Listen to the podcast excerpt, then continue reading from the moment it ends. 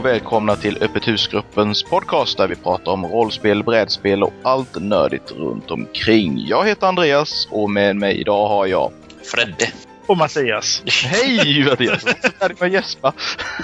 Nej, jag tänkte att jag skulle få vara tvåa och säga mitt namn någon gång, men Fredde var... Jag, jag tror att vi kör fortfarande körde i alfabetisk ordning sådär. Ja, just det. Har, har vi bestämt det någon gång menar du? Ja,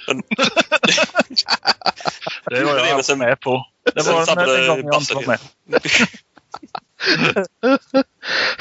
vi vänder på den ordningen nästa gång. Eh, Nej, inte för min skull. Tänk inte på mig. Nej, det gör vi inte heller.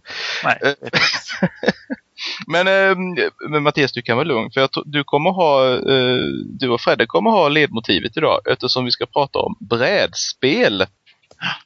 Ska jag gå igenom alla brädspel i bokstavsordning? Ja, precis. Det ska vi göra. Så om du börjar här Mattias. Ja, precis. Jag tänkte vi börja med A.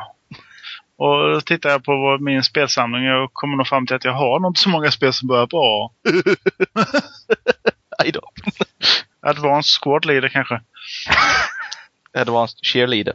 Jaha, det hade varit något. det vi ska prata om, eh, vi ska prata om brädspelsexplosionen som har, eh, som, som vi är mitt i. Och eh, varför eh, är den här? Vad har hänt?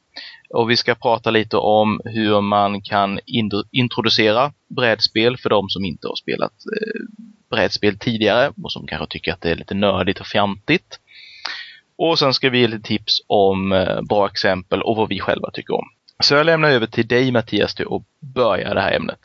Ja, eh, när jag började tänka lite på det här vad, vad vi skulle prata om just kring brädspel så, så är det ju lite dagens mode om man ska säga, med, med brädspel. Att det har kommit på ganska stark front och det börjar dyka upp i leksaksaffärer på eh, mycket mer än vad det har gjort innan. Och, och eh, nu med den här fantastiska uppfinningen med internetet då så finns det ju lätt åtkomst till det.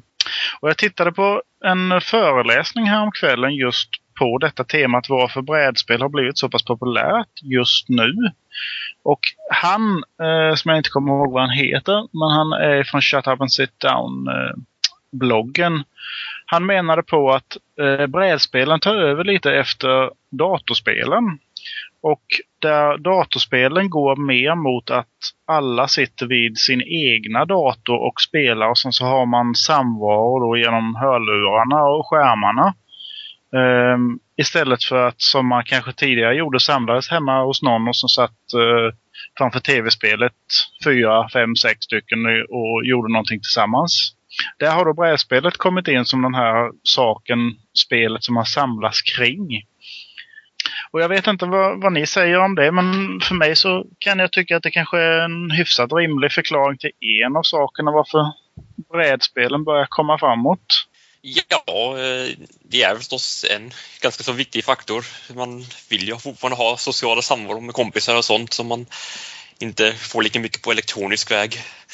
Ehm, sen är det också lite andra eh, faktorer som, spelar in. Det är vissa spel som eh, genom sina ja, genom att vara så tilltalande för en ganska stor andel folk liksom har slagit igenom ganska stort och banat väg för intresset som helhet. Så det finns ju ganska många typer, olika typer av spel också så att det, det passar ju väldigt många. Eh, om man fortsätter på den här med eh, jämförelsen då med datorspel så kräver ju ändå datorspel att du har en hyfsad dator och sen så måste man köpa spelen ovanpå det. Med ett brädspel så kan du bara köpa spelet och ta ut och köra om det är någonting som jag tycker är intressant. Eh, och hittar man då ett spel som har rätt te tematiskt eller mekanik eller vad man nu fastnar för så kan det ju vara en bättre upplevelse. Jag tror också att det kan ha lite att göra med att eh, dels en sak att det, det dyker upp väldigt många spel. Så fort det är en populär tv-serie eller någonting i den stilen så dyker det upp brädspel runt omkring dem. Och eh, just genom att kanske webbutiker och så vidare så får sånt här lite mer exponering. Sådana här spel kanske dyker upp på ställen där man inte är uttalade just eh, spelbutiker. Så att folk kanske köper dem, upptäcker att det, det, det är faktiskt ganska kul med, med just brädspel och att det, att det handlar inte alltid om grejen att, eh, som i Monopol, eh, försöka att vinna hela tiden. Utan det finns andra typer av spel, framförallt just kanske att samarbeta eh, runt bordet istället. Och kanske lite mer, lite mer dynamik man, och det är snabbspelade saker så att alla liksom är med då. Det tror jag kan göra en hel del. Och sen är ju den sociala biten inte att förglömma. Alltså det är ju eh, jag tror spel nu är mer sociala och mer socialt inriktade än vad spel var förr. Ja, mitt minne om man går tillbaka till de spelen som man spelade när man var liten, det var ju det att ett spel måste ju ha en sexsidig tärning och en spelplutt som man flyttar längs en, en bana på något sätt. Alltså Snakes and Ladders eller Monopol eller eh, det här Bamse-spelet där man pusslar ihop spelplanen allt eftersom men ändå går framåt och samlar burkar. Eller... Ja, klassiker som Den försvunna diamanten till exempel. Ja, precis. Som är ganska mycket turbaserat. Alltså det är baserat på slår du bra med tärningen och har tur och vänder på rätt och hamnar på rätt så, så går det bra för dig. Mm. Det är klart att det är fortfarande många spel idag som har just liknande mekaniker men och det är ofta den som folk tänker på i första hand eh, även idag eh, när de hör talas om spel. Eh, så brädspel och sånt. Så, men det har kommit en sådan väldig explosion av nya mekaniker, alltså eh, folk som uppfinner nya eh, sätt att spela, eh, nya ja, både nya sätt att skapa slump eller nya sätt att fatta beslut när man spelar. Ehm, alltså det har egentligen gått i två olika riktningar nästan kan man säga det lite parallellt. För de europeiska spelskaparna har ju gått lite åt ett håll och eh, amerikanska spelskaparna har gått lite, lite åt ett annat håll. På den europeiska sidan så har man ofta eh, spel som har ganska låg turfaktor eh, ganska ofta ganska många som inte har några tärningar alls. Eh, eller kan, kanske som jag sa lite några kort som man drar eller liknande. Det finns vissa som inte har någon turfaktor överhuvudtaget. De europeiska spelen har också lite, Eh, de tenderar att vara ganska abstrakta också. Medan på den amerikanska sidan, eh, det, det som vissa med eh, lite pikaktigt kallar för, kallar för Ameritrash ehm, kan, kan ha lite mera tur, brukar, men främst brukar vara betydligt mera tematiskt kopplade, alltså att ha ganska kraftig eh, bakgrundsberättelse som den håller sig till och som känns i hela spelet. De är rätt ofta baserade på, som du sa, tv-serier och annat som är populärt för tillfället. I synnerhet eh, sci-fi tv-serier, för eh, utan att stereotypa allt för mycket så känns det som att det är någon överlappande målgrupp. Jaha. Ja. kan ha en poäng där. Men om man ska ta några exempel då på de, de här uh, olika uh, inriktningarna, så att de här europeiska, jag tror det är främst tyska spelskaparna, då har man ju då som Ticket to Ride eller Settlers of Catan eller Dominion eller Village. Eh, som är ganska lite tur i och eh, knappast tärningar. Och Settlers of Catan har en tärning som man slår emellanåt.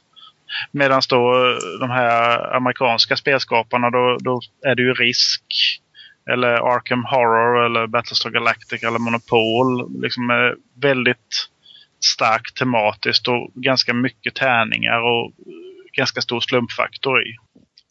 Generellt givetvis. Ingen regel utan undantag. Lite historiskt sett där så har det väl också sett ut så att eh, de europeiska och då framförallt de tyska Eh, vad jag förstod, för jag har också tittat på den här som, som du tipsade om i början från Shut Up and Sit Down. Eh, att just de europeiska spelen hade mer eh, fysiskt attraktiva spel och eh, tunnare regelböcker. Eh, de hade bra spelpjäser eller bra spelplaner som är så snygga, trevliga och de är hållbara. Medan det var lite tvärtom på den amerikanska sidan. Det var inte så tilltalande spel. Eh, vilket också kanske gjorde dem lite krångliga och, och, och jobbiga att ta, ta till sig då.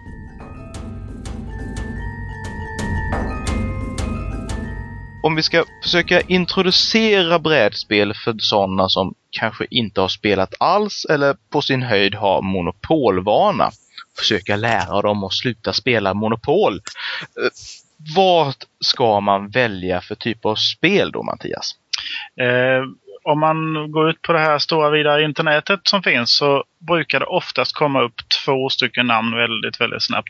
Och det är ju Ticket to Ride och Settlers of Catan. Eh, som i stort sett alla rekommenderar eh, när man ska börja med brädspel. Sen gräver man lite djupare så kommer man ofta på Small World, Carcassonne och King of Tokyo som eh, saker att gå vidare med.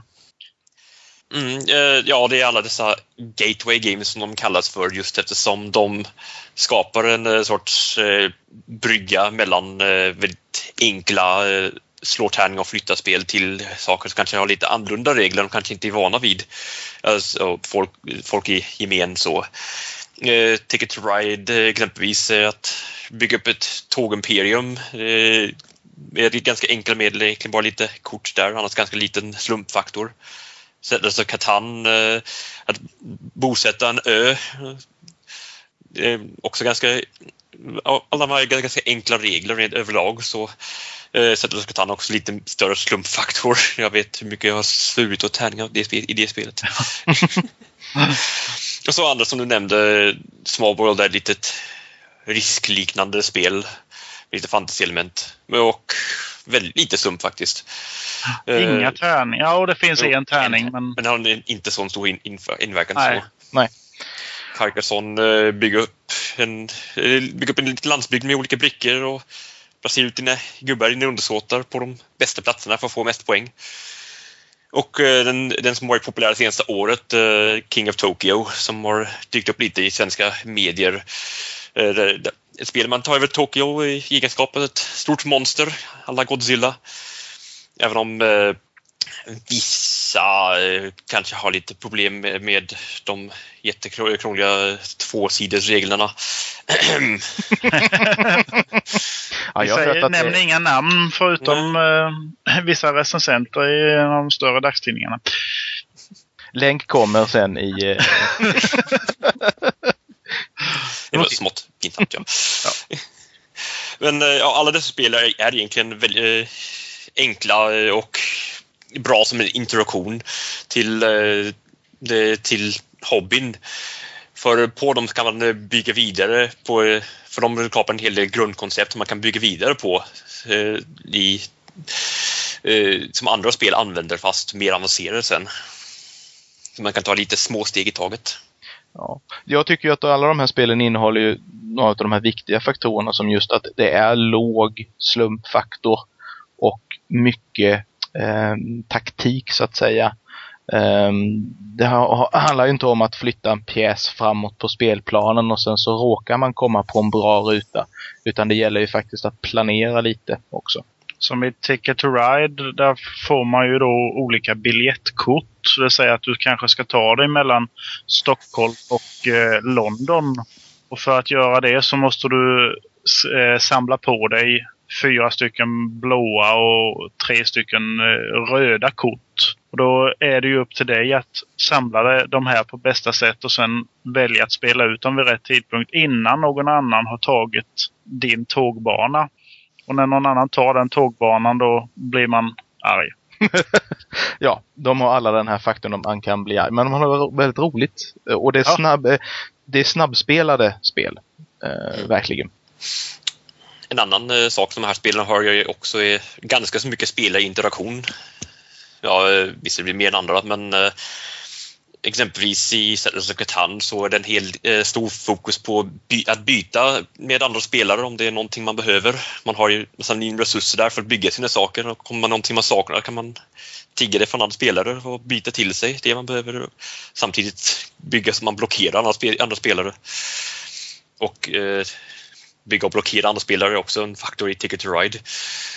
Eh, Small World är en ren eh, krigsspel och eh, även i Carcassonne eh, så är det en hel del eh, blockeringar och eh, alltid fokusera på vad ens motståndare gör och hur man ska nästla sig in i deras områden.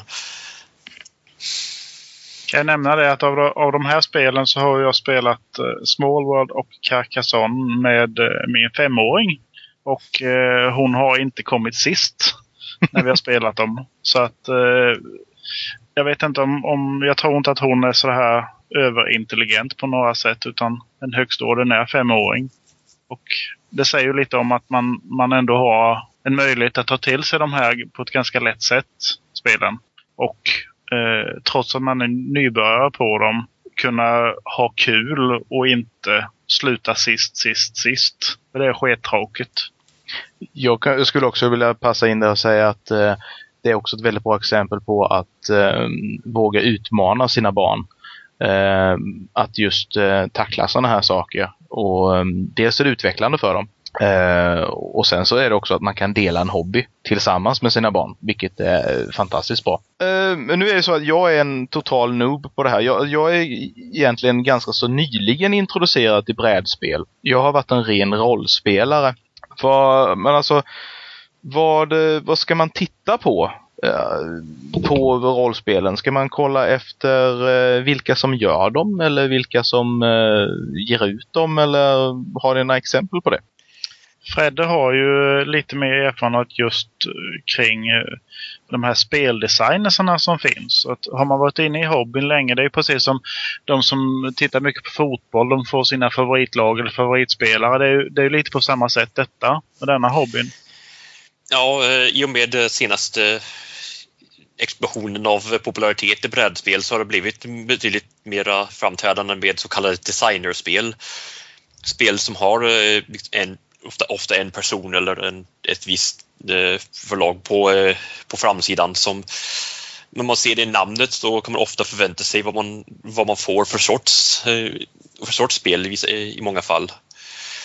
Det är förstås som man läser men lägger, sätter sig in i hobbyn lite mera men det är ändå spännande att man börjar se nästan som författare nu på tiden för saker som brädspel. Eh, vissa namn som eh, funnits, länge, eh, funnits länge som eh, Bruno Faiduti som har gjort all möjliga olika sorters spel, ofta ganska små men eh, roliga saker eh, som Dragons Gold eh, där man bråkar med varandra om att eh, vem som ska få drakskatterna eller eh, Citadels, ett enkelt kortspel om att bygga upp en stad som också finns utgivet på svenska. Eh, så vi andra som lite nyare som en eh, som gjort den i tjeck, eh, Vlada Svatil som gör ganska så eh, humoristiska spel, ofta i rymden. Exempelvis femte exempel där Galaxy Trucker. Som att bygga, bygga ihop ett, ett skepp i princip av skrotdelar och försöka flyga ner i rymden utan att den blir sprängd i småbitar. Du ska ju försöka ur, ur, en hög ska du försöka leta upp rätt bitar och använda bara en hand på tid. Och sedan bygga ihop ditt rymdskepp. Mm. Ja, just saker, att saker som går på tid är också ganska typiskt för Vlader Schwatil. Ja. Han tycker om stressiga situationer så. Eller så har vi andra designers eh, som eh, tycker om betydligt mer tänkiga spel, alltså som Rainer Knizia, som är känd för väldigt abstrakta, väldigt uh, intellektuella spel. Uh, så eh, efter man har, man märker ganska snart vilken trolig variation det finns bara mellan olika, vem som, beroende på vem som skapat det. Och till och med bara saker som förlaget kan ge, ge en viss vinkling. Ehm, ett av de största spelföretagen i USA exempelvis är Fantasy Flight Games som tenderar att göra det ganska så stora, stora spel ofta baserade på licenser. Ehm, de har exempelvis gjort brädspelet till Battlestar Galactica. De har gjort uh, det, stor, Lovecraft-baserade spelet, uh, spelen Arkham Horror och Eldritch Horror. Det är ofta spel med stort produktionsvärde och ganska, väldigt, väldigt mycket tematiskt fluff. Mycket känsla i spelen. Mm. Men de kan fan inte göra boxar. Nej, det kan de inte. Det är de hopplösa på. helt värdelösa. De är helt värdelösa på det. Men uh, Days of Wonder är ett annat framstående, uh, jag tror de amerikanska också, uh, företag. De är bra Så. på att göra boxar. De är bra på att göra, de är bra på att göra allt. Uh, där, uh, hos dem vet man nästan alltid att man får fantastiskt produktionsvärde, alltså ofta lite uh, små miniatyrer på pjäser med snidade trä eller metallbitar. Eh, alltså överlag väldigt hög kvalitet vilket ofta bidrar till stämningen när man spelar.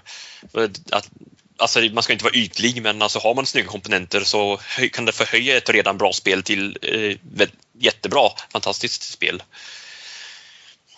Så eh, det finns verkligen eh, mycket att Eh, många olika smaker och eh, stilar som man måste, eh, måste börja lära sig identifiera. Men en grej som man kan börja ganska lätt att lära sig och det är just det fantastiska finska spelföretaget, eller jag vet inte om man ska kalla dem spelföretag, men, men Lautapelit heter de va? Lautapelit.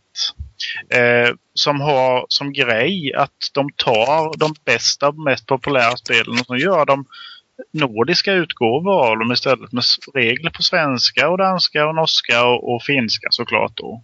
Och ser man ett Lautapelt, jag säger Lautapelti, Lautapelitspel så, så är det oftast ett väldigt populärt och bra spel överlag.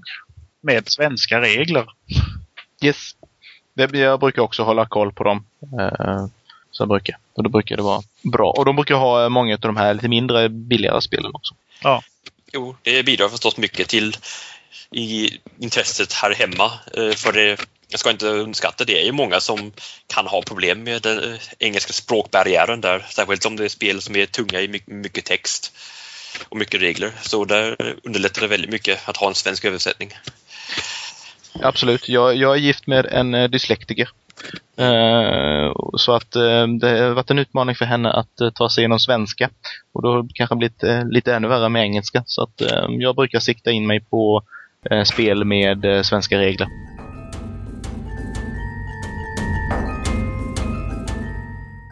Vi grottar ner oss lite i olika typer utav spel då. Take it away, Fredde! När vi pratar om olika speltyper så menar vi i det här fallet alltså eh, rent mekaniskt eh, hur, eh, interaktionen mellan spelarna. Alltså man, det finns spel där man eh, spelar, alla samarbetar för ett gemensamt mål.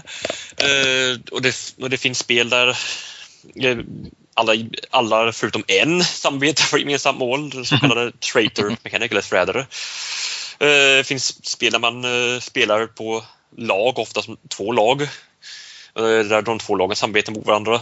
Eller eh, de eh, spel som är ja, oftast mest kända, alla mot alla eh, spelar för sig själv i princip. Så, men ehm, om man ska kolla lite på... Jag tycker själv att de roligaste spelen det är de när man spelar kooperativt och, eller ibland kooperativt med en förrädare också. Vissa spel där man spelar helt kooperativt. Ehm, där, eh, då spelar man i princip mot spelet, eh, så att säga. Spelet sätter upp en eh, hel del ja, saker som man måste klara för att komma vidare för att klara spelet. Det säger det här och det här det här måste ni uppnå om ni vill vinna. Det finns, ja, det där finns enkla, ganska korta, roliga spel som exempelvis Red November. De är en, en, en grupp med mer eller mindre inkompetenta små gnomer på en eh, snabbt sjunkande slash brinnande ubåt. Uh, atomubåt är viktigt. Atomubåt, ja. där man helt, där det hela tiden dyker upp nya kriser som har översvämningar, bränder, överhettade motorer och liknande. Och där, där alla måste hjälpas åt för att, uh, in, för att klara livhanken tills räddningen kommer. Senaste gången vi spelade det så, så uh, tyckte alla att jag borde ha dött redan från början. Jag förstår inte det till slut. Här. Min fru pratar fortfarande om det idag. Att det hade varit bättre om jag hade dött första rundan istället för att strula till det för allihopa sista rundan.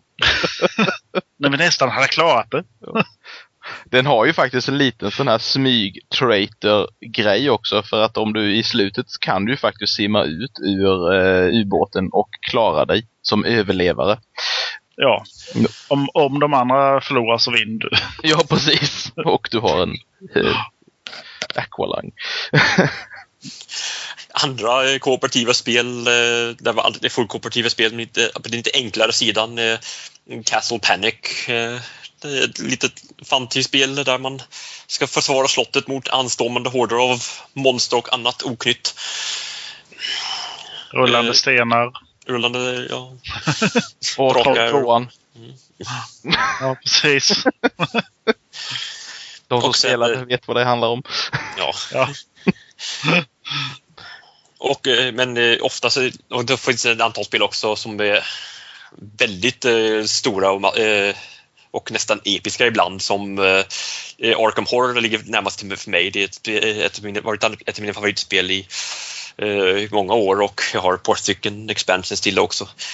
Eh, det är ett, eh, som jag sa tidigare en eh, Lovecraftiansk eh, spel. Man spelar en grupp med investigators som det heter som försöker rädda världen från anstormande Cthulhu eller annan Elder God som hotar, som hotar från fjärran. Eller slåss mot monster och samlar ledtrådar och gör vad man kan för att slå tillbaka ondskan. Andra lite större spel som jag, som jag inte provat i och för sig, men eh, Robinson Crusoe. Där, man eh, ska, där alla ska hjälpas åt för att överleva på en öde ö. Efter, ja, inspirerat av boken förstås.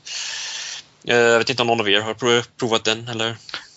Faktiskt Nej. inte talas om. Det Jag har varit eh, jättesugen på det. Det har precis kommit en nytryck men det kostar lite pengar. Mm. Så eh, det ligger inte överst på listan. Men det ska vara väldigt utmanande eh, att försöka klara av det och det är lika väl anpassat för en spelare som för fyra spelare. Enda eh, nackdelen egentligen med sådana här kooperativa spel det är Vissa som sagt har väldigt lång tid som Arkham Horror kan ta uppåt sju timmar om man, om man vill, om man vill sig så. Eh, och också att de kan tendera det här problemet med att eh, liksom en eller två personer som styr vad de andra ska göra hela tiden och då kan det ju bli lite tråkigt för, för resten om det, om det är så. Men det, sånt känner man efter. Eh, Man hittar de spel som man, spelsorter man tycker bäst om allt eftersom. Och det är då, då som eh, man, man kan eh, gå in och prata om den här nästa kategorin, en co-op med en förrädarmekanik i. Och Då är, då är det ju som så här att ja, vill du ta råd av någon annan och göra som någon annan säger till dig, för de kan ju kanske vara en förrädare. Ja, då blir det plötsligt mycket mer äh, intressant. När, äh, I synnerhet med de som man inte vet vem som kan vara en förrädare. Äh, exempelvis i Battlestar Galactica efter äh, tv-serien där en eller två personer, ja, spelare kan vara så kallade Cylons, robotar som ser ut som människor. Som bara vill att alla andra, alla andra ska dö och att mänskligheten ska gå under. Så då, är- och finns det en sådan risk att eh, det finns en sån förrädare så bland, bland de andra så då är man inte riktigt lika benägen att ta alla eh, orders som de ger. Andra exempel på det är Shadows over Camelot, en arthuriansk spel. Eh, man ska beskydda Camelot från de olika faran som hotar den. Eh, där också där kan det finnas en förrädare. Lurig där att inte alltid är det, men det kan finnas. Det skapar paranoia i vilket fall som. Mm.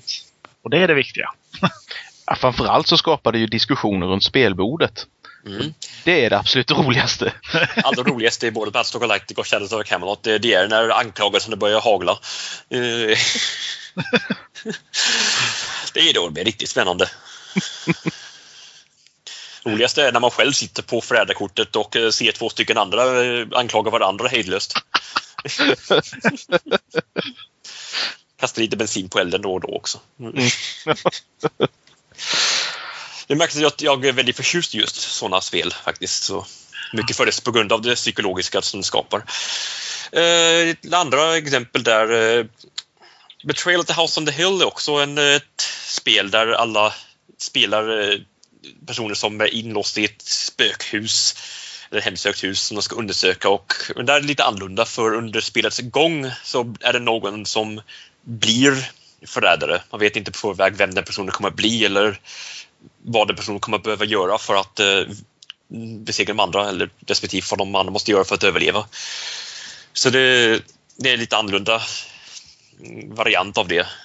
För där vet man vem förrädaren är men man vet inte kanske vem det blir innan och man vet inte vad de, måste, vad de är ute efter det finns en hel del andra där. Så uh, Letters from Whitechapel är en annan exempel. Den har jag inte själv spelat. Uh, Mattias, känner du till den? Det är, det är ju en, en vidareutveckling av ett gammalt uh, spel som jag hade när jag var liten som är Scotland Yard. Där du har då i, i det här fallet i Letters from Whitechapel så har du ju då en spelare som är Jack the Ripper och skall eh, utföra de här morden i just Whitechapel-området. Eh, Medan han håller sig undan från poliserna. Och alla andra spelare är poliserna och ska då diskutera sig fram till var han kan befinna sig för någonstans. Eh, Ripper. Och eh, gripa honom helt enkelt. Men där vet man också vem eh, som är skurken från början eller? Där vet man från början vem som är skurken. Så det är, ja. Det är ju på gränsen till ett lagspel då, att det är liksom alla mot en. Lite mm. som Betrayal at House on the Hill också. Mm. Jo, det är Admiral alla, Almodento.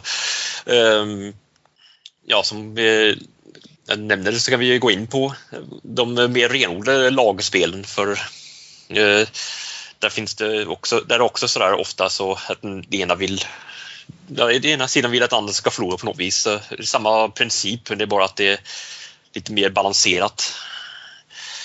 Um, exempel, en av de mer välkända exempel där eh, är eh, Werewolf. Sen finns det många, många varianter och ett sånt där spel som eh, klarar av väldigt många spelare i vissa tappningar också. Ett spel där man massa bybor och det finns en varulv i byn och man försöker lista ut vem som är varulven ett tacksamt spel för det går att spela med väldigt minimala medel också. Jag har själv aldrig spelat det faktiskt, men uh, ni har ju spelat det en del va? Ja, jag har spelat det någon gång, så jag ja. Men uh, det är ett bra, det är ett bra partyspel som alla greppar väldigt fort. Så även de här som inte spelar alltså, sån här typ av spel innan och känner till det, det funkar det för. Det är väldigt snabbspelat också. Det tråkiga med det är ju att uh, det, det blir en ganska snabb ut, en utslagning. Alltså man röstar ju ut folk helt enkelt. Så att ja. det blir mindre och mindre som verkligen spelar spelet. En bättre variant är ju i så fall, tycker jag, The Resistance. Uh, där du inte kan bli utröstad utan alla är med ända fram till det bittra slutet. Uh, jag tycker också att de här spelen är lite sådär, snuddar ju in på traitor-varianten. För du vet ju inte vilka som är eh, varulvar eller som i Resistance, vilka är det som är förrädare i motståndsrörelsen? Så att de, de, de flyter ihop lite där. Så jag tycker att de... Men, men det är också, det, man vet ju redan från början lite att det, det finns en, en lagmentalitet i det. Då gäller det att komma på vilket lag man tillhör. Precis. Eller rättare sagt vilka som tillhör ens lag. Ja, det finns ju lite olika. I The Resistance och Werewolf så vet ju förrädarna och eh, varulvarna till varandra. Eh, I till exempel ett annat spel som Sabotör, eh, där vet man inte om varandra. Utan det, det, det, kan, kan man kanske lista ut under tiden, har jag för mig va? Man vet inte om varandra. Nej, man vet inte om varandra. Nej, man vet inte om varandra. Men så finns det de här andra där vi, om vi går från traitor-mekaniken, alltså till lagspel och, och då är ju de klassiska, alla krigsspel egentligen hamnar in där. Då kan man liksom gå på Harpoon, Guerrilla, Front, eh, Firepower, Invasion of the Rhine, eh, World in Flames och hela det här padrasket. Eller de lite enklare då som Axis and Allies. Det där är verkligen inte min gebit. Jag har aldrig varit så mycket för krigsspel själv. det är där jag började krigsspel, kan jag meddela. Ja, krigsspel ofta är väldigt tunga på regelsidan. Eh, det är inte alla, men eh, väldigt ofta så är, det så att det är väldigt mycket regler, väldigt mycket saker att hålla reda på. Men eh, för de som, det finns de som tycker om det så Ja, det är jag det. Mm, ja. ja. Nej, men sen, sen till exempel Mansions of Madness då som är där det är väldigt tydligt. Det är en spelare som kommer att spela mot alla andra spelare. Och Mansions of Madness snuddar ju nästan på rollspel, mer eller mindre. Jo, det är ytterligare lite varianten på det här att eh, istället för en traitor så är det en spelledare i princip som styr alla monster och uh, Secret of Mender. Det finns vissa Dungeons Dragons brädspel som har den mekaniken också. Um, undrar om exempelvis Castle Ravenloft har det kanske?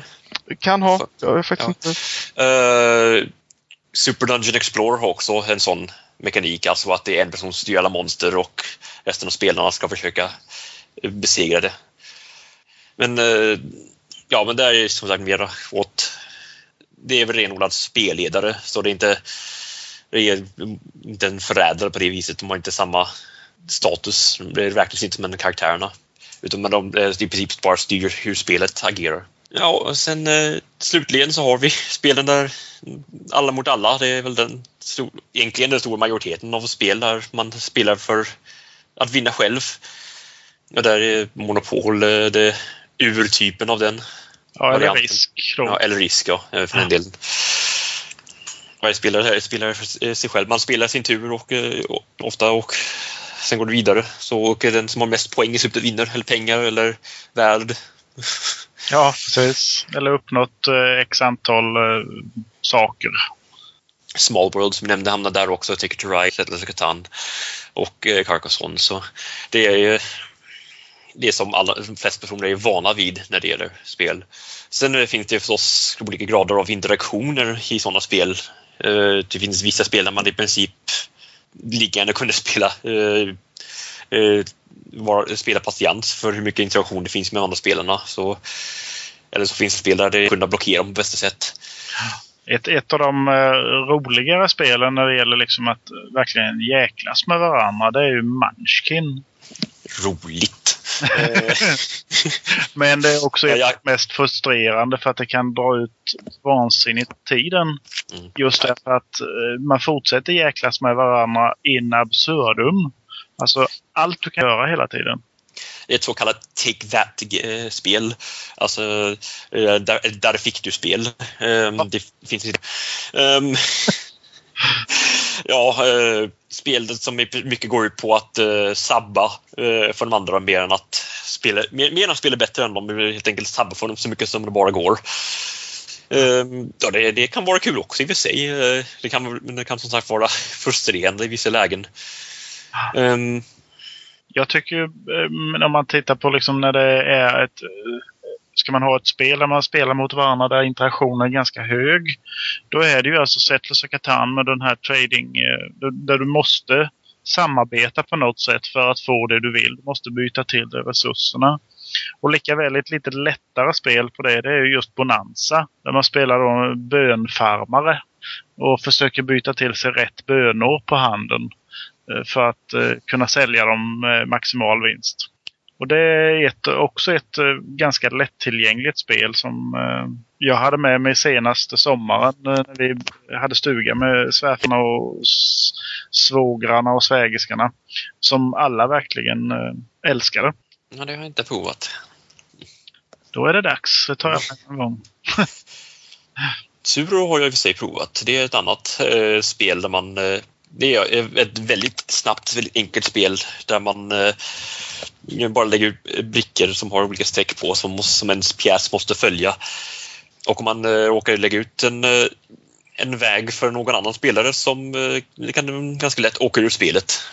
Det är det som kan vara väldigt tillfredsställande och roligt Jaha. för dig. För den som inte åker Det, ut. det är ett, ett av de spelen som jag kan spela med min femåring återigen. Där jag vet att jag inte kommer att vinna redan innan. Mm. Att där är liksom en 50-50 chans. Alltså antingen vinner hon eller så vinner jag. Det, det är beroende på väldigt mycket vilka brickor man drar. Och sen hur mycket du kan beräkna vart du hamnar. Men ju fler spelare det är, du kan vara upp till åtta spelare på det då. Desto mer kaotiskt blir det och då bara ge upp och försöka lägga någon plan. Men det är, ett, det är i alla fall ett väldigt enkelt, väldigt snabbt spel så även om man eh, förlorar så kan man spela igen utan, inom rim, rimlig tid. Så. Ja, precis. 10-15 minuter max. Mm. Sen eh, införskaffade jag ett väldigt trevligt eh, sån här spel som heter just Rampage. Där man spelar monster och ska förstöra monsterna. På riktigt alltså. Du, du har en stor spelpjäs med ditt monster och sen är den här bilen är en liten träbit som du lägger ovanpå monstret. Sen knäpper du iväg den helt enkelt och försöker träffa motståndarens monster och, och helst slå ut dem från spelplanen då.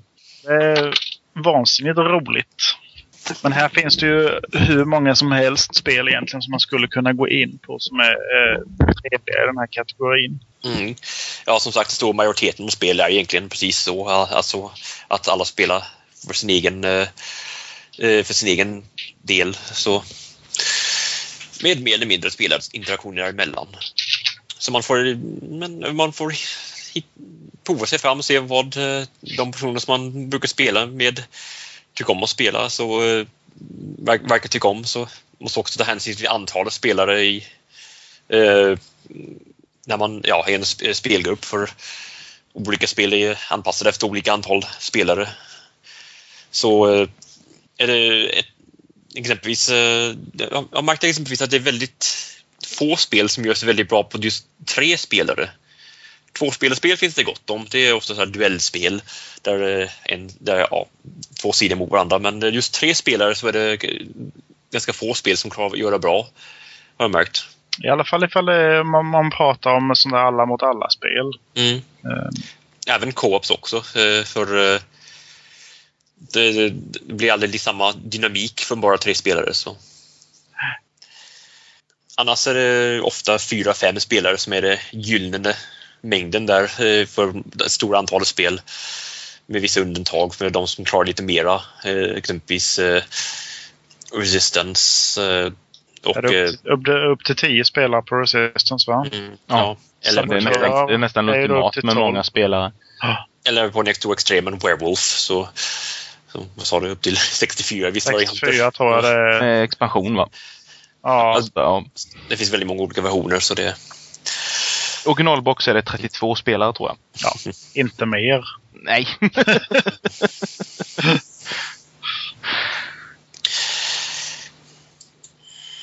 men, men eh, det som man bör tänka på också det är lite hur, hur eh, lång tid man vill lägga på att spela de här spelen. Om vi går tillbaka till det som vi pratade om just då med ett suro. Som det tar fem minuter att sätta upp och lära någon annan spelet.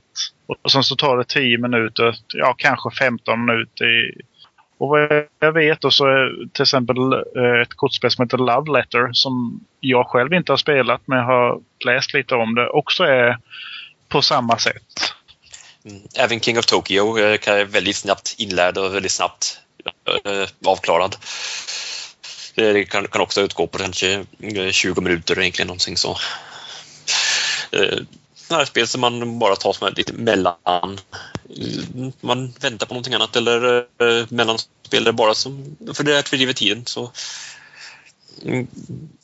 det beror på vad man är ute efter, hur mycket tid man har på sig rent allmänt. Ja, ett väldigt trevligt kort spel för övrigt eh, är ju Infighting som är tärningsbaserat tur. Men det blir väldigt mycket diskussioner och eh, glada tillrop och eh, hot. Så finns det vissa spel som eh, har en inbyggd tid som det, som det tar. Eh, ja, lite halvt sådär åtminstone. En som jag har eh, provat exempelvis är Space Alert som kommer med en eh, en eh, CD faktiskt. Man är besättning på en rymdskepp som anger att det kommer, inkommer lite hot och under vissa tidpunkter så måste man planera allting allt eftersom. Och sen det här är det alltid 10 minuters uppdrag och efter det här så går man igenom allting steg för steg och ser om man överlevde eller inte. och det är lite speciellt sådär. Jag har inte spelat riktigt, riktigt ordentligt ännu men det, själva idén är ganska kul så. Och likadant har jag bara sett om den här Escape uh, the Curse of the Temple. Som uh, också är på 10 minuters soundtrack tror jag det var. Uh, som också sker i realtid. Att man sitter och spelar, du spelar din lilla gubbe. så fort du bara kan slå tärningarna flyttar du dig igenom det här templet då. och sen så kommer det instruktioner på skivan allt eftersom.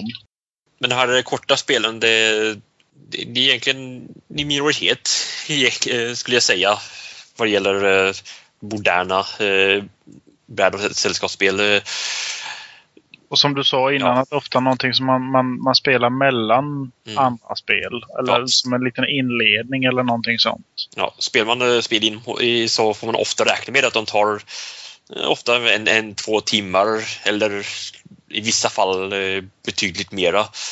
Um, det finns ju säkert alla, alla som uh, har någon gång har, har spelat spel har ju spelat Monopol och sen det här att man har spelat i sex timmar och sen säger man det, ja men nu, nu bryter vi för kvällen så fortsätter vi imorgon och sen så fortsätter man aldrig. För att Mm. tröttna. Det är ju andra änden. Ja, eh, eller eh, det finns lite andra sådana lite äldre. Menar, risk kan ju pågå fram och tillbaka egentligen hur länge som helst. Ja. Teoretiskt. Tär, Ehm, så vill gamla spelet Talisman kunde i princip pågå tills någon tröttnade på det. Eh, och eh, sen fin men även modernare så eh, Battlestar Galactica som jag har nämnt kan ta en eh, fyra, fem timmar eh, om att ta sig igenom. Det finns ännu större varianter. Eh, Arkham Horror som sagt kan ta sex, sju, åtta timmar. Eh, sen har vi eh, en av de stora riktigt mastodontspelen i, eh, i, ja, i hobbyn eh, som är Twilight Imperium, the third edition. Ett gigantiskt rymd-epos-spel som, eh, där ett kort spel kan ta åtta timmar. Det får ta 12-14 egentligen. Och det är Avsätt det- en helg helt enkelt. och det, det, det är fullt avsiktligt att det ska ta, ta sån tid, för det är, det, är den sortens spel. Men man ska veta vad man ger sig in på för eh, när man skaffar spel. Många, många spel nu tiden står det förväntad speltid. Eh, I väldigt många fall är det en ren lögn, men eh, åtminstone en någon vinkning. Så om det står eh, eh, 45 minuter till en timme, räkna med en och en halv, två timmar oftast. Kanske lägga till 50 procent på tiden som det står. Ja. Det, det finns vissa spel som faktiskt är rätt i hur lång tid det tar, men jag det brukar känna att lägg till 50 procent är ungefär rätt. Sen beror det på spelgruppen. Det är alltså de som tar väldigt lång tid att fundera på saker eller vissa om, om personer som har annat som de måste göra som går ifrån lite då och då. Det är sånt man får ta i beräkning. Om man då tycker att det här låter jäkligt intressant eller man vill köpa kanske och ge bort spel. Och vad ligger det då för prisklasser? Vad har vi till exempel eh, under 200 spänn? Det är ju oftast eh, ett normalspel om man ska gå in på det. Då, är, då pratar man ju 300-400 kronor kanske. Men det finns en vansinnig mängd med spel som ligger just under 200 kronor. Eh, oftast lite kortare spel än eh, normal längd eller vad man ska säga. Och då, då pratar vi kanske 45 minuter till en och en halv timme. Och då är det ju Hive eh, där man eh, ska försvara sin eh, bikupa mot motståndarnas bikupa. Eller Bonanza är också i den, har vi pratat om tidigare. Le Forbidden Island, Werewolf, eh, Infighting, eh, Munchkin och Carcassonne. Alla de ligger ju i den prisklassen. Alla väldigt bra spel på sitt sätt. Sen finns det ju utöver det Zombie Dice som är ett vansinnigt hysteriskt roligt eh, tärningsslå-spel. Där du ska försöka samla så många hjärnor som möjligt genom att slå tärningar. Men du ska se upp så att du inte blir skjuten för många gånger för då förlorar du de hjärnorna du har i munnen för närvarande. Ehm, eller Flux med två X som finns i 13 olika som utgåvor nu tror jag. Men originalspelet är fortfarande min favorit. Där reglerna hela tiden ändras i spelet. Och när du börjar spela det här kortspelet så då finns det egentligen inget mål med spelet. Det enda som är är att du ska dra i ett kort och du ska spela ut ett kort. Och sen under spelets gång så spelar du ut nya regler. Så plötsligt så kanske det, du ska dra tre kort och spela ut fem kort. Och sen kommer då målet med spelet ut också så småningom. Hur du gör för att vinna. Eh, mycket trevligt spel. Sen är det eh, ett svenskt företag som jag nu inte kommer ihåg vad det heter som har utvecklat Spank the Monkey. Eh, där det helt enkelt går ut på att du ska smiska en apa. Du är på ett skrotupplag och en, en liten elak eh, apa har klättrat upp i eh, något högt torn där. Så då ska du bygga ett skrottorn så att du kommer upp på apans nivå och kan eh, smiska honom helt enkelt så att han uppför sig. Jag vet inte om det aga är att föredra men eh, Det gigantoskop för övrigt som är gett ut i spelet. gigantoskop är det ja. Och det är också det här att man, man kan eh, montera en bollkanon på sitt torn och, och skjuta ner motståndarnas torn. Eller så kan man kasta dynamit eller släppa kassaskåp på dem. Och... Också en hög grad i en uh, Take That-spel. Ja, precis. och sen uh, ett annat spel som jag själv inte var så jätteförtjust i uh, var ju I, Dark Overlord som är mer ett berättarspel. Där du har då en Dark Overlord eh, som anklagar sina underhuggare för någonting.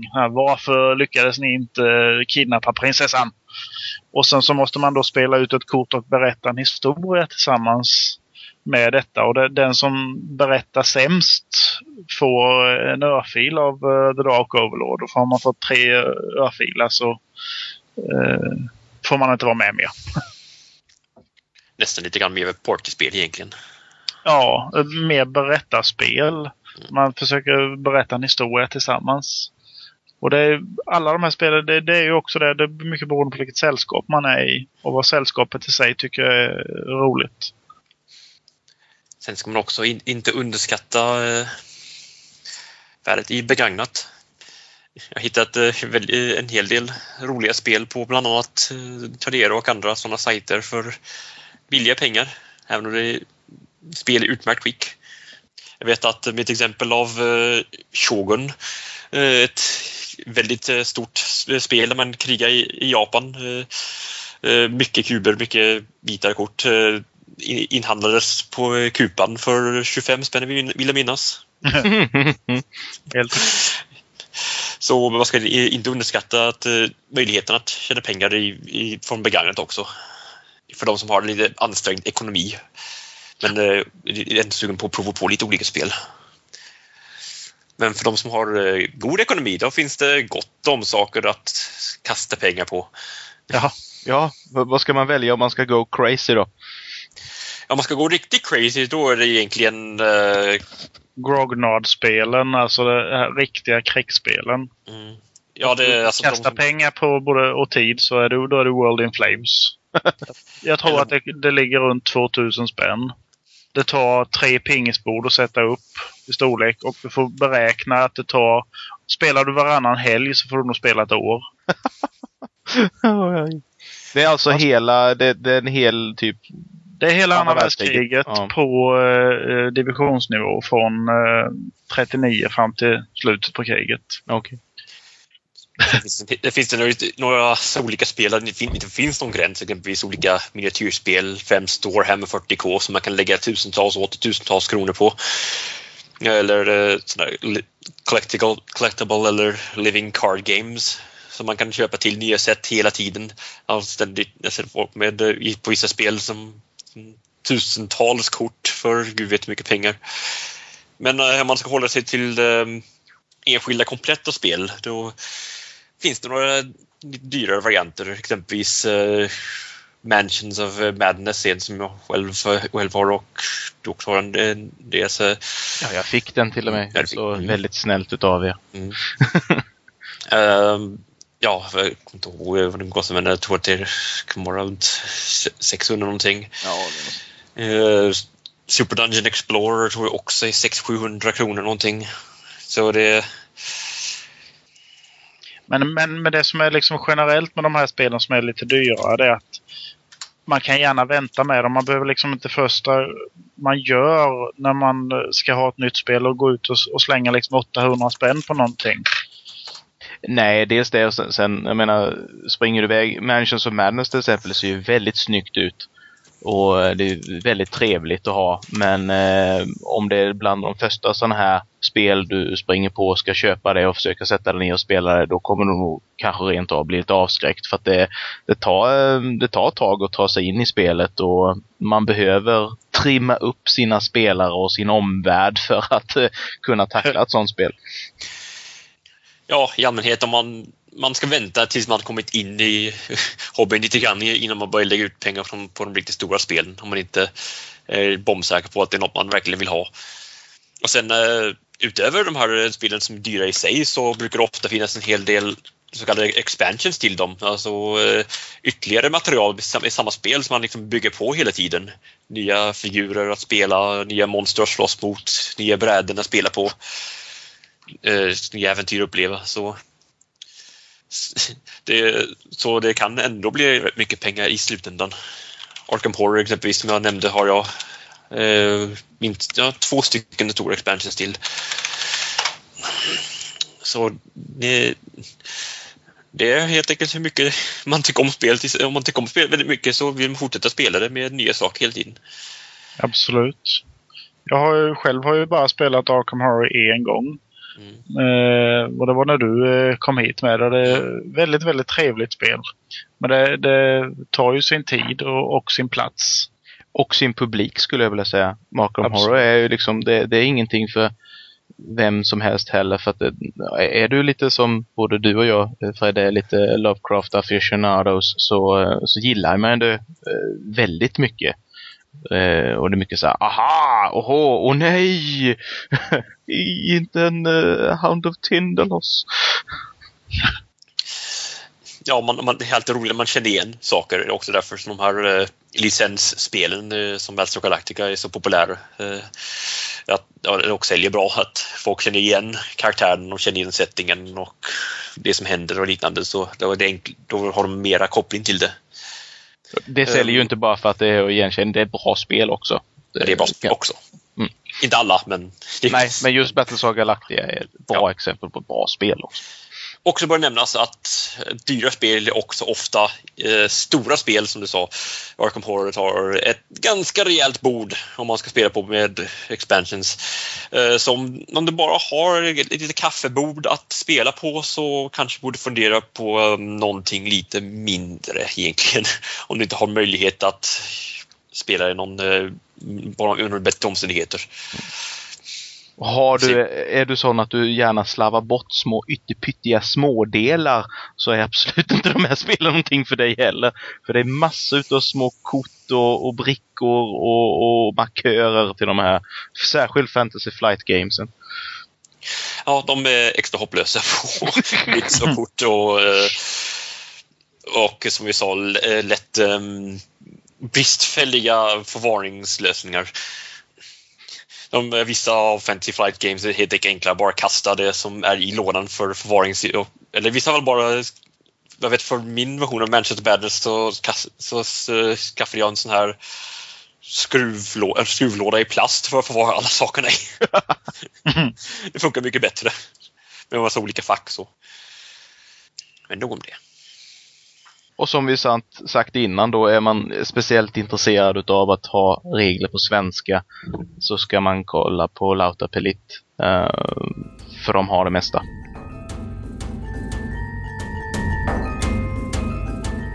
Vad gör man då om man vill veta mer? Och vilka tips kan man ge sina kamrater runt omkring sig som, som vill veta mer eller behöver veta mer? Eller du vill att de ska veta mer?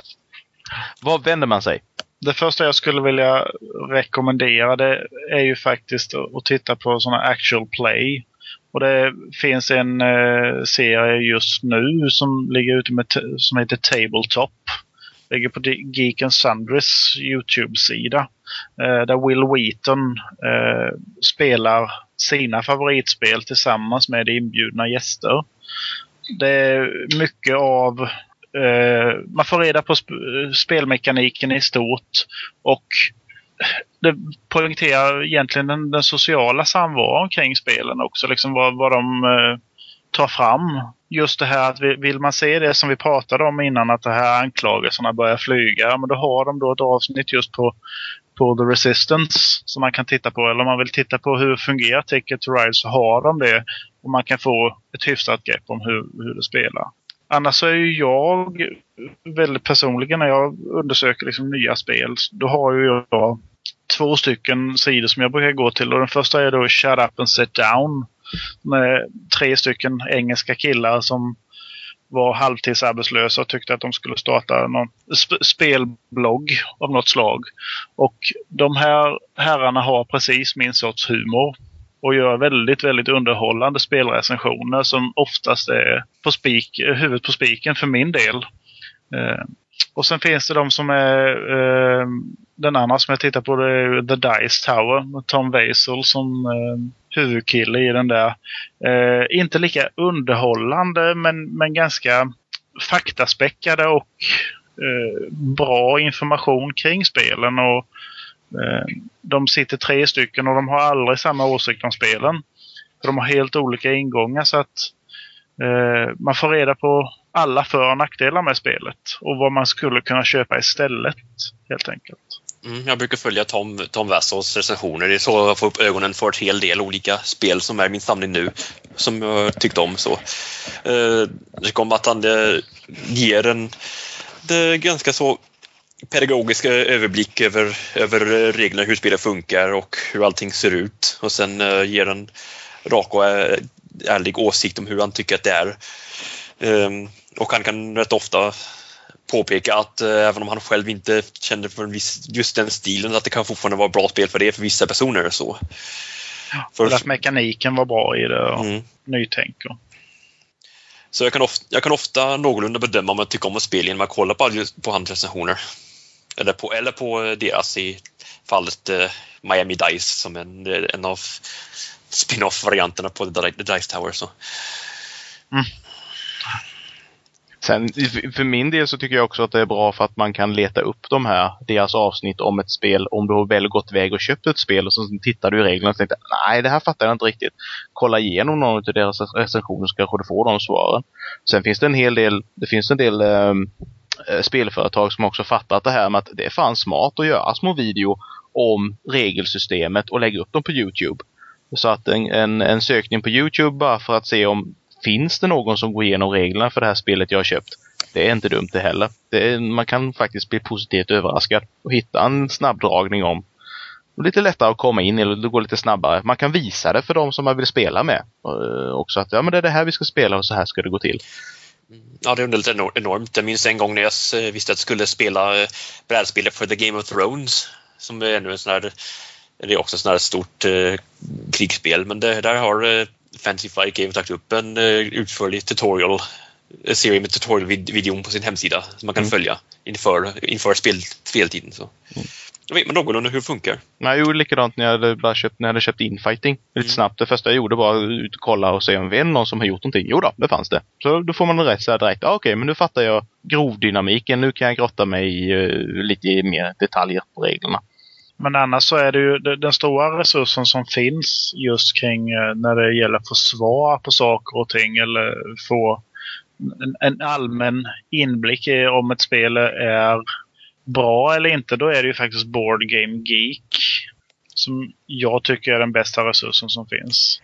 Ja, Board Game eh. Geek är nog världens största community vad gäller brädspel. Så det, det, finns det har ett spel någonsin gjorts så finns den på Board Game Geek. Absolut. Där det brukar finnas eh, ett antal eh, recensioner och olika trådar för regelfrågor och eh, länkar till FAQ och annat från företag och sånt. Så hjälp, vissa har hjälpmedel, vissa spel som man kan trycka ut och ha som liksom ensidig sam, samling av regler. Så det om man eh, något man behöver veta om eh, ett spel så finns det, brukar det finnas där. Jag brukar där... faktiskt, ja förlåt. Kör, kör du. Jaha. Nej, du kör. Ja, eh, nej, jag brukar faktiskt göra så att jag, om jag känner mig sugen på att köpa ett nytt spel så brukar jag kolla eh, på vad som är billigt eller som är rea på. Och sen så går jag titta på Board Game Geek och ser vad har den fått för rating det här spelet. Är det bra eller dåligt? Jag får ju oftast mina, eh, eftersom jag håller till på Reddit och, och tittar där så har de ju givetvis en board game community. Ehm, och där eh, har de oftast trådar då om nya spel som har kommit eller intressanta gamla spel som har kommit i nytryck. Så det, för att få ganska fräscha spelnyheter så är den en, en eh, väldigt bra sida.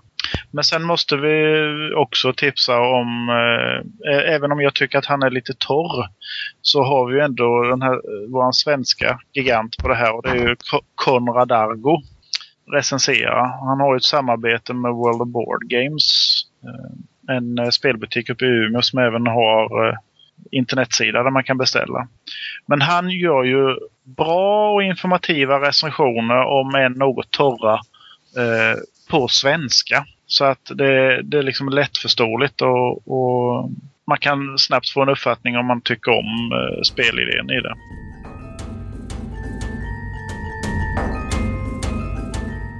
Om man då vill köpa spelen så uh, rekommenderar vi, så, som vi redan nämnt, uh, att man går till World of Board Games, som vi tycker nog alla tre är en av de bättre uh, webbshopparna. alternativt också kan man kolla på SF Bok, bokhandeln, om man har lust med det. De tenderar dock, ibland tycker jag, lite dyrare. Ja, de är oftast dyrare än ja, World of Board Games brukar ha lite bättre sortiment också. Ja. Fast det finns, ett, fast det, ja, grejen med brädspel är alltså också att de brukar tryckas i relativt liten upplaga om man jämför med exempelvis böcker eller annat eller andra medier. Så eh, det händer ganska lätt att saker och ting tar slut, särskilt om de är populära. Så eh, i, i värsta fall måste man då vända sig till utlandskällor, exempelvis Amazon och så. Det gäller främst för spel som är lite, några, några år gamla. Så. Som avslutning så tänker vi lista några av våra favoriter. Och eh, vi börjar med eh, kooperativa och solospel. Mattias, nu får du börja. Ja, jag har valt Red November som vi har varit inne på innan. Att kunna spela en full gnom som springer in i ett eldhav och försöka släcka det för att kunna desarmera atombomben i nästa rum. Det, det slår det mesta. Och sen att eh, man givetvis misslyckas och skrattar åt det. ja, det, det, det, man, man tycker att nu gick det nog allt bra och sen nästa runda så är det total katastrof igen. Precis. Fredde? Ja, min favorit har jag nämnt några gånger. Det är, det är Arkham Horror. Det var det, riktigt, det första riktigt stora brädspelet jag skaffade och jag älskar bara det, det här, de här långa episka kampen mot ondskan. Man rätt vad det är tror man har situationen under kontroll och så kommer det något kort som omkullkastar precis allting. Och eh, som man kanske ändå i slutändan klarar sig ur med nöd och näppe. Eh, och, eller och så kanske ändå den onda guden vaknar och alla dör en ond bråd död. Men det, men det gör ingenting för det var en sån spännande eh, resa dit. Så eh, vinner eller förlorar så brukar jag aldrig ha tråkigt när jag spelar Arkham Horror. Och jag, jag måste nämna Castle Panic eh, med expansionen Wizards Tower som jag tycker gav en liten extra dimension till det spelet. Ett spel där du ska försöka rädda din borg som eh, anfalls utav åker och goblins och eh, massa e-, annat elakt oknytt. Och som i Wizards Tower också kan börja brinna, vilket eh, ger en extra lite rolig dimension. Eh, jag tycker om enkelheten i det spelet och framförallt att det är väldigt mycket samarbete och dela kort med varandra och planera tillsammans för att försöka överleva. Eh, inte så svårt som Red November, men eh, lagom kittlande tycker jag. Vidare, ja, vidare då med eh, ko kooperativa spel med en förrädare. Vad väljer Mattias där? Jag har ju Battlestar Galactica. Jag har spelat detta en gång men eh, det gav eh, rejäl eftersmak. Och eh, jag hoppas att du kommer kunna spela det ytterligare gånger. Jag vet att du Fredde har ju också valt detta som ditt val så jag tänkte du som äger och har spelat det många gånger får förklara det lite närmare. Ja, eh, vi har pratat om det. Alltså, man eh, befinner sig på eh, det stora skeppet Battlestar Galactica och är, som är mänsklighetens sista bastion efter att ha fallit i kriget mot robotrasen Cylonerna. Och man måste ju samarbeta för att klara sig ända fram till sin slutdestination. Fast samtidigt så finns ju de här Cylonerna dolda bland, de, bland spelarna och man vet inte vem det är. Och ehm, det blir så mycket anklagelser, det blir eh, spekulationer, skepticism. Ehm, ingen kan riktigt lita på någon annan. Det hjälper inte att det finns en karaktär som är amiral och en karaktär som är president. om någon tycker att de kanske missbrukar sin makt eh, så eh, kanske de börjar, ännu mer anklagelser börjar flyga. Ehm, Ja, det, det är en eh, väldigt... Eh, alltså själva spelet i sig är kul, eh, kul men just det här aspekten att aldrig veta vem man kan lita på är det som gör det helt jättekul att, att, att spela. Och sen när sen kan det hända att en person avslöjar sig själv som man aldrig hade räknat med. Att den personen skulle vara förrädaren. Då kan man känna sig rätt dum. Mm. Där eh, halva skeppet eh, håller på att gå under. Men ja, jag har spelat det många gånger. Jag spelat det några gånger i min egen version förstås. Eh, och jag har spelat det ett antal gånger online faktiskt. På Board Game Geek så finns det så kallade play-by-forum där folk spelar genom att posta inlägg på ett forum med hjälp av en spelledare och kan spela, spela via den kanalen. Så mycket tycker alltså om spelet att jag kan ha tålamodet att utsätta mig för de här spelen som kan ta flera veckor att ta sig igenom. Men jag tycker det är väl värt det. Ja. Jag väljer ett uh, betydligt uh, enklare uh, spel, men lite på samma, på samma sätt. Ehm, jag gillar verkligen The Resistance. Jag, jag gillar enkla, snabbspelade spel som dessutom tar väldigt liten plats i min hylla. Det tycker jag om.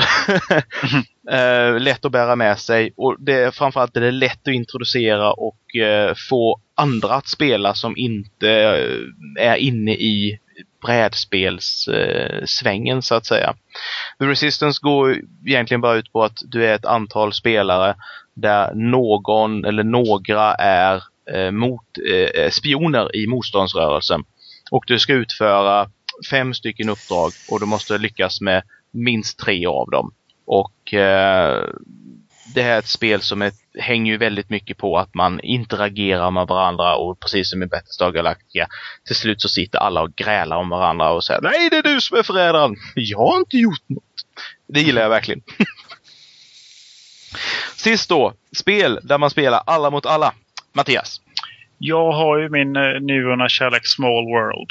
Eh, där man eh, spelar som eh, diplomatiska skelett eller eh, kanske flygande orker. Eh, det finns x antal raser som slumpmässigt kombineras med en egenskap helt enkelt.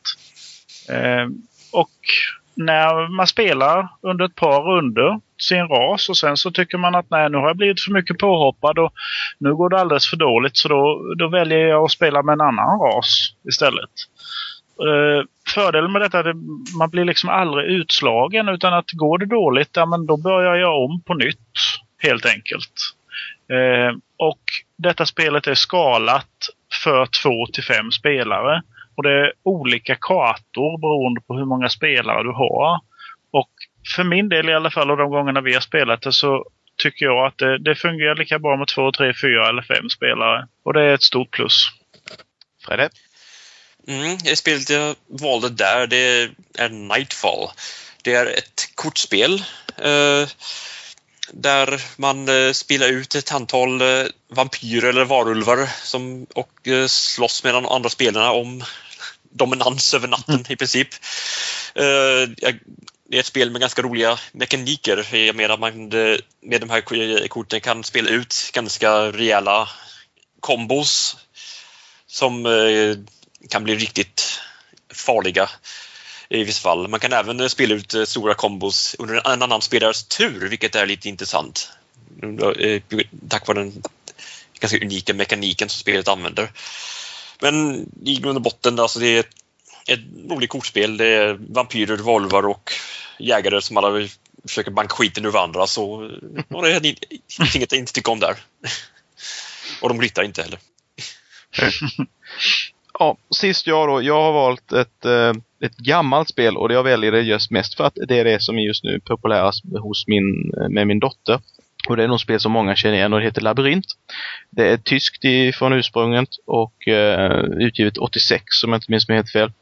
Och det är ett riktigt simpelt spel där du lägger ut brickor som du kan röra genom att du knuffar in nya brickor. Och du bygg, ska försöka bygga dig en väg fram till olika objekt på den här i den här labyrinten. Och sen gäller det att gå runt och samla alla de här objekten och till slut komma tillbaka till sin ursprungspunkt. Um, jag gillar den väldigt enkla och simpla mekaniken i det. Plus att det är absolut ingen slump. Förutom när du bygger spelplanen till första gången. Um, och det är en sån här lite uh, det är väldigt öppet spel om man säger. Det, det är inte den här vanliga alla mot alla när man spelar med barn som brukar vara flytta pjäser och sådär. Det får min dotter att eh, sitta och fundera och klura lite på spelbrädet. Det, det gillar jag. Det hittar man oftast i princip alla eh, välsorterade leksaksbutiker. Det var allt vad vi hade för idag. Jag tackar så mycket Mattias och Fredde. Själv. ja. Så hörs vi nästa gång. Hej då på er! Hej då!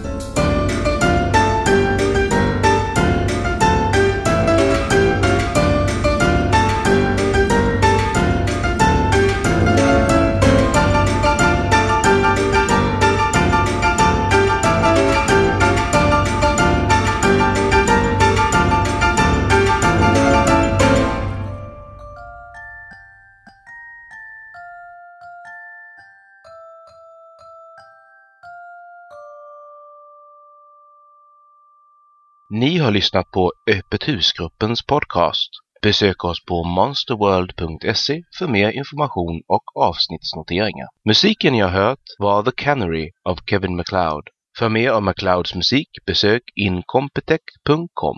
Den här podcasten är producerad under en Creative Commons erkännande, icke-kommersiell, inga bearbetningar 2.5 Sverige-licens.